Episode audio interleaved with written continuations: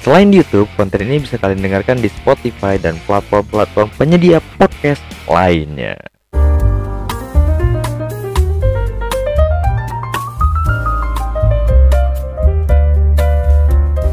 Ya, selamat datang di channel Yogi Sumarno bersama mas-mas netizen biasa.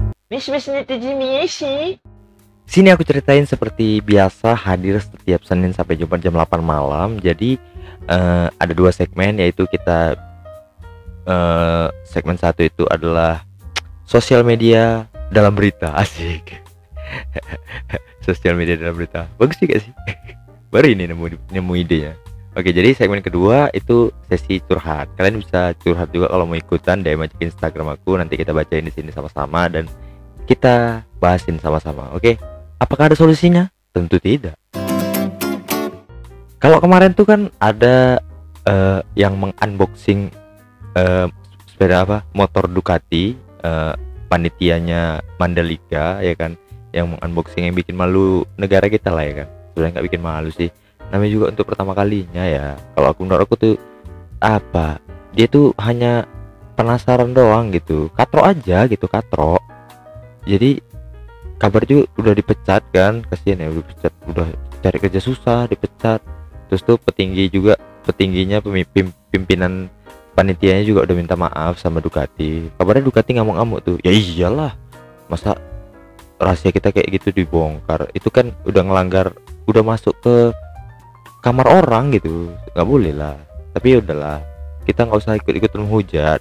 Kita kan sebangsa setanah air. Harusnya unity dong saling dukung gitu. Tapi ngomong-ngomong soal Mandalika kemarin tuh rame bahwasanya Pak Jokowi Pak Presiden Jokowi itu menjajal sirkuit gitu ya. Aku lihat tuh videonya itu kre, uh, sepeda motornya keren ya? Itu katanya custom uh, khusus untuk Pak Jokowi dan dia menjajal uh, apa satu putaran kayaknya. Itu keren sih menurut aku. Uh, gimana ya? Uh, lebih keren Pak Jokowi ngejajal sirkuit daripada dia ngejajal main bola ya. Aku kalau main bola aduh dia lari aja nggak cocok gitu. Nggak dia lari aja nggak cocok kalau kalian pendukung Jokowi sama aku juga. Tapi aku harus jujur bahwa saya Pak Jokowi larinya jelek gitu. Apalagi dia nge-rap er tuh. Aduh enggak enggak enggak, enggak. Uh, sarannya aja kalau siapa tahu Pak Jokowi denger ini si mungkin. Si mungkin si mungkin. Tapi saran aja Bapak kalau disuruh apa aja jangan mau Pak. Yang cocok-cocok aja Pak. Kalau kayak balap cocok motor-motoran Bapak cocok. Atau um, ngerekomendasiin musik-musik metal Bapak cocok. Keren Bapak jangan jangan main bola jangan ngerep bapak oh, jangan jangan. Uh, bapak tuh ngomong debat secara cepat aja tuh kami alhamdulillah gitu. Apalagi ngerep itu itu waktu yang nyuruh ngerep tuh wow udah kayak ngalahin Eminem aja. Gitu ya. Jadi itu kan uh, kalau mulut-mulut kayak gitu bilang-bilang nggak cocok dibilang haters ya kan. Saudara aku kan nggak haters gitu. Yang haters itu ada tuh kemarin sempat berkasus tuh nge-hate Atta Halilintar jadi haters itu namanya siapa lagi lupa lagi lupa nulis gitu. Tapi uh, Atta Halilintar yang mempolisikan hatersnya ini kepolisikan udah masuk penjara juga. Tapi uh, si ibunya haters ini itu mohon-mohon sama Atta Halilintar gitu. Persisten lah mohon-mohon supaya anaknya itu dibebaskan supaya minta maaf aja gitu. Supaya selesai aja gitu uh, kasusnya. Karena ya namanya orang tua ya kan haters itu gimana lah kejahatan. Tapi yang haters ini nggak tahu komentar kalian yang kalian tulis sambil ketawa itu kadang-kadang karena nggak ada emosi di situ kami tuh baca sampai ke hati loh. Walaupun aku belum pernah ngerasain ya. Uh, tapi baiknya Talintar ini akhirnya si haters itu dibebasin dan harus mencium kaki ibunya si haters itu ya. Awalnya aku kira itu berita dari Line Today awalnya aku kira si Atta Halilintar uh, nyuruh si haters ini mencium kaki ibunya Halilintar ternyata kaki ibunya sendiri. Itulah gunanya membaca secara full gitu ya. Tapi uh, kalau dipikir-pikir kasihan uh, kita harus uh, si haters itu nggak terlalu kasihan karena kan emang dia salah sendiri. Tapi ini ada yang lebih kasihan karena kurir di aduh lupa lagi di mana. Kebiasaan aku nggak nulis kotanya di mana. Kurir ini kurir nih kalian tahu kan kurir Shopee atau Lazada atau Tokopedia kan yang suka naik motor gitu kan. Dia nih lagi kan berkarung-karung tuh ada satu karung besar gitu kan di kalau naik Mio tuh di tengahnya lah ya di depan di depan tempat duduk ya kan. Di depan jok motor. Jadi kurir ini jadi korban maling gitu. Ini maling nih memang paling anjing. Itu berapa kerugian yang harus diganti si kurir itu gitu? Di kurir ini mungkin eh sepeda motornya di sebelah kiri jalan kan. Mungkin dia lagi ke seberang atau beli air minum atau memang lagi ngantar paket di seberang jalan kan. Terus tuh dia ya parkirkan aja situ. Karena dipikir kan mungkin ya apa sih yang kejadian paling buruk apa sih? Tapi memang kayaknya maling ini ngincar dari jauh gitu ya. Menunggu si kurir ini lengah gitu. Kasihan gitu. Berapa kerugiannya? Itu di dalam karung itu bisa jadi ada emas HP baju eh, banyak barang-barang berharga lainnya. Karena kadang-kadang barang barang-barang kecil itu kadang-kadang lebih berharga daripada modal besar. Misalnya nih emas satu ons kan lebih bernilai daripada lemari yang sega abre-abre kan. Karena nilainya beda gitu. Itu yang yang yang yang yang kita miriskan gitu. Kasihan gitu si ini. Semoga ya eh kemarin kan yang yang yang lagi viral-viral gitu ditolongin kayak ibu-ibu yang nenek-nenek yang dimasukin panti, pan- panti jompo ditolongin terus tuh bapak-bapak yang di di diusir sama si bayi mong ditolongin. Semoga ini ada yang yang nolongin si kurir ini kadang-kadang. Kadang-kadang ini titik titik didih eh, kepedihannya nggak terlalu ngeblow up gitu tapi kayaknya ini lebih sakit sih. Dia kan kerja cari makan mungkin gaji cuma 100 ribu 200 ribu sehari tapi yang digantinya harus berjuta-juta gitu kasihan gitu tanggung jawabnya gitu. Padahal dia cuman padahal dia, dia tulus cuman mau kerja aja gitu. Tapi ngomong-ngomong soal kurir ada nih kejadian unik. Seorang kurir ngantar paket ke gunung. Yang diantarnya satu buah permen tamarin. Mungkin ya ada orang gitu eh, naik gunung gitu kan. Eh ada jaringan nih. Tumben di di atas gunung ada jaringan terus tuh iseng-iseng kebuka-buka shopee. Ada flash sale gitu. Ada kan tuh ada tuh. Kayak flash sale satu rupiah tapi permennya satu biji.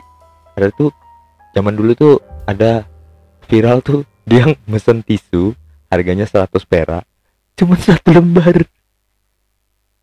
Anjir anjir aneh aneh aneh. Tapi eh, itulah ngerinya gratis gratis ongkir nih banyak orang iseng gitu. Tapi aku juga penikmat gratis ongkir aku nggak belanja kalau belum dapet eh, apa voucher gratis ongkir karena ya kalau kalau eh, ekonomi lagi struggle nggak usah sok-sokan pakai ongkir gitu. Mahal. Apalagi kita di Medan di di di ujung baratnya Indonesia. Banyak kan barang-barang bagus kan di Jakarta di Bandung dan di Bogor kan dan di pokoknya Pulau Jawa sana lah kan. Karena dia murah bagus gitu kalau kita pilih barang di Medan ini kadang-kadang nggak ada gitu. Kita filter kita aktifkan filternya di Medan ini nggak ada. Tapi cerita-cerita gunung tadi di gunung itu kalau kalau aku di Brastagi misalnya kalau di gunung di sini kan terdekat Brastagi atau uh, Gunung Sibaya gitu. Kalau ke Brastagi kita jalan tuh masih banyak sawah gitu ya. Sawahnya tuh apa namanya teras sharing gitu. Keren gitu ya kan. Kok bisa ya di di di di eh, ba- di diukir dibangun apa ya lebih tepatnya dibentuk sedemikian cantiknya gitu eh, teras sharing itu. Tapi ada berita yang lumayan menohok menohok. Jadi ceritanya ibu Puan Maharani ya kan nanam padi di tengah eh, sawah sama Pak Tani sama Bu Tani untuk dalam rangka untuk memberi semangat ke milenial. Tapi pada saat dia foto itu itu di tengah hujan gitu. Jadi eh, kesannya tuh ibu Puan Maharani ini humble. Walaupun hujan-hujan dia mau eh, rela-rela mengotor-ngotorkan kakinya menanam padi gitu. Demi memberi semangat ke milenial. Datang Bu Susi kan. Eh Bu Susi ini kan orang lapangan ya jadi dia tahu kan. Dia terus eh, nge-reply aja di di Twitter gitu. Berita Kompas Kompas berita apa gitu? Berita portal berita lah terus dia bilang biasanya petani menanam padi tidak hujan-hujanan. Iya benar kalau dipikir-pikir. Karena kan eh, nanam padi itu eh, lumpur basah ya. Jadi kalau hujan-hujanan itu karena kita nunduk kan kita nanam padi harus nunduk kan. Itu percikan hu- air hujannya bisa ngenain mata kan pedih kan. Jadi nggak akan mungkin tuh eh, eh, petani menanam padi dalam kondisi hujan nggak akan mungkin. Jadi sepertinya itu hanya hanya hanya pencitraan saja. Lagian gini ya bu puan ya? Hmm, hmm, hmm. nggak lagian gini ya. Kalau menyemangati milenial dengan menanam padi kayaknya nggak worth it gitu. Karena anak mu- anak milenial sekarang lebih tertarik sama uang. Jujur aja kita nggak akan tertarik tuh sama ya lumpur-lumpuran lagi ya capek-capek lagi eh, harus kena panas. Nggak worth it sama anak muda gitu sama anak, anak milenial dia lebih tertarik berapa yang didapatkan ketika panen berapa yang harus dikeluarkan ketika menanam. Hitung-hitungannya lebih tertarik gitu. Bisa nggak sih eh, pejabat-pejabat ini mikirnya eh, satu referensi gitu? Makanya aku lebih mendukung pejabat-pejabat tuh anak-anak muda karena eh, gap gap zamannya nggak terlalu jauh gitu. Iya kan? Karena kita tahu petani itu emang banyak duitnya cuman masalahnya anak-anak milenial tuh taunya petani itu susah miskin gubuk reot. Terus tuh nanti sekolahnya nggak pakai sepatu em, apalagi ke mana-mana jauh. Padahal kan nggak nggak nggak nggak begitu gitu. Banyak petani-petani yang sukses apalagi yang em, menanamnya secara eh, secara eh, eh, eh, eh, yang disarankan pemerintah gitu. Sebenarnya kalau aku ada sawah aku lebih mending bertani daripada berdagang karena lebih banyak duitnya gitu. Karena kan eh, orang nanam satu biji jagung untuk berharap nantinya dapat bertongkol-tongkol jagung. Kalau nanam satu biji jagung dapatnya satu biji jagung juga ngapain ditanam? Dimakan aja langsung. Ya kan gitu kan? Itu dia segmen sosial media dalam berita eh, kali ini. Langsung aja kita masuk ke segmen curhat. Pelacur jahat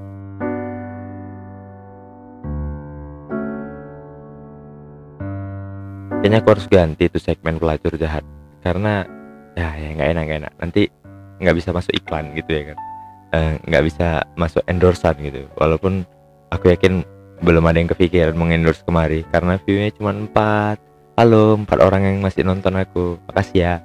Semoga ada empat orang empat orang berikutnya setelah kalian ya kan? Kita langsung aja bacain curhat eh, kalian. Oke assalamualaikum assalamualaikum bang G aku Doni 23 tahun. Aku kerja di salah satu perusahaan swasta. Lingkungan kerjaku lumayan gawat bang. Kayak sikut kanan sikut sikut sana sikut sini gitu. Saling bersaing cari muka ke bos. Aku tuh tipe orang yang nggak bisa cari-cari muka gitu bang. Karena ya kerja ya kerja aja. Tapi di satu sisi aku khawatir juga kalau karir aku stagnan dan lebih parahnya posisiku terancam. Gimana ya aku menyikapin ini semua? Karena kalau pindah kerja kayaknya aku nggak siap. Karena juga nyari kerjaan kayak aku sekarang ini susah gitu. Tolong ya bang sarannya. Jadi gini Doni. Kalau kau di perusahaan pada dasarnya emang manajemen kodok sikut kanan sikut kiri pijak bawah jilat atas eh. Jilat bos ya kan?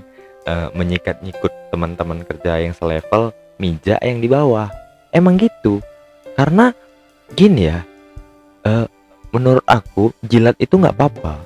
Yang salah itu sikut kanan sikut kiri itu salah menurut aku. Pijak bawah juga lebih salah lagi. Tapi kalau jilat menurut aku itu bentuk dedikasimu aja.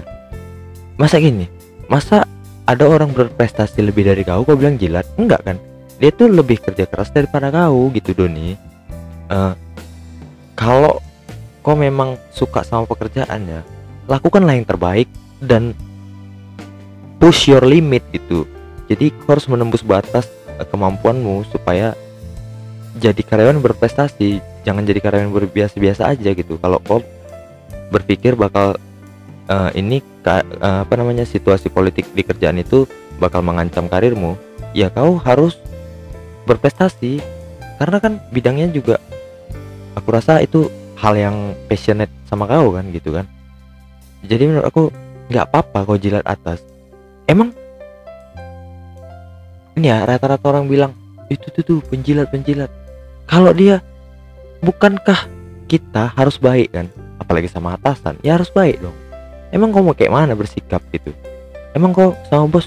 Eh lah bos bos. Aku kerja kerja ya. Enggak enggak gitu kan Tahu waktu kau interview kau kan mohon mohon biar diterima kerja kan? Gitu Doni.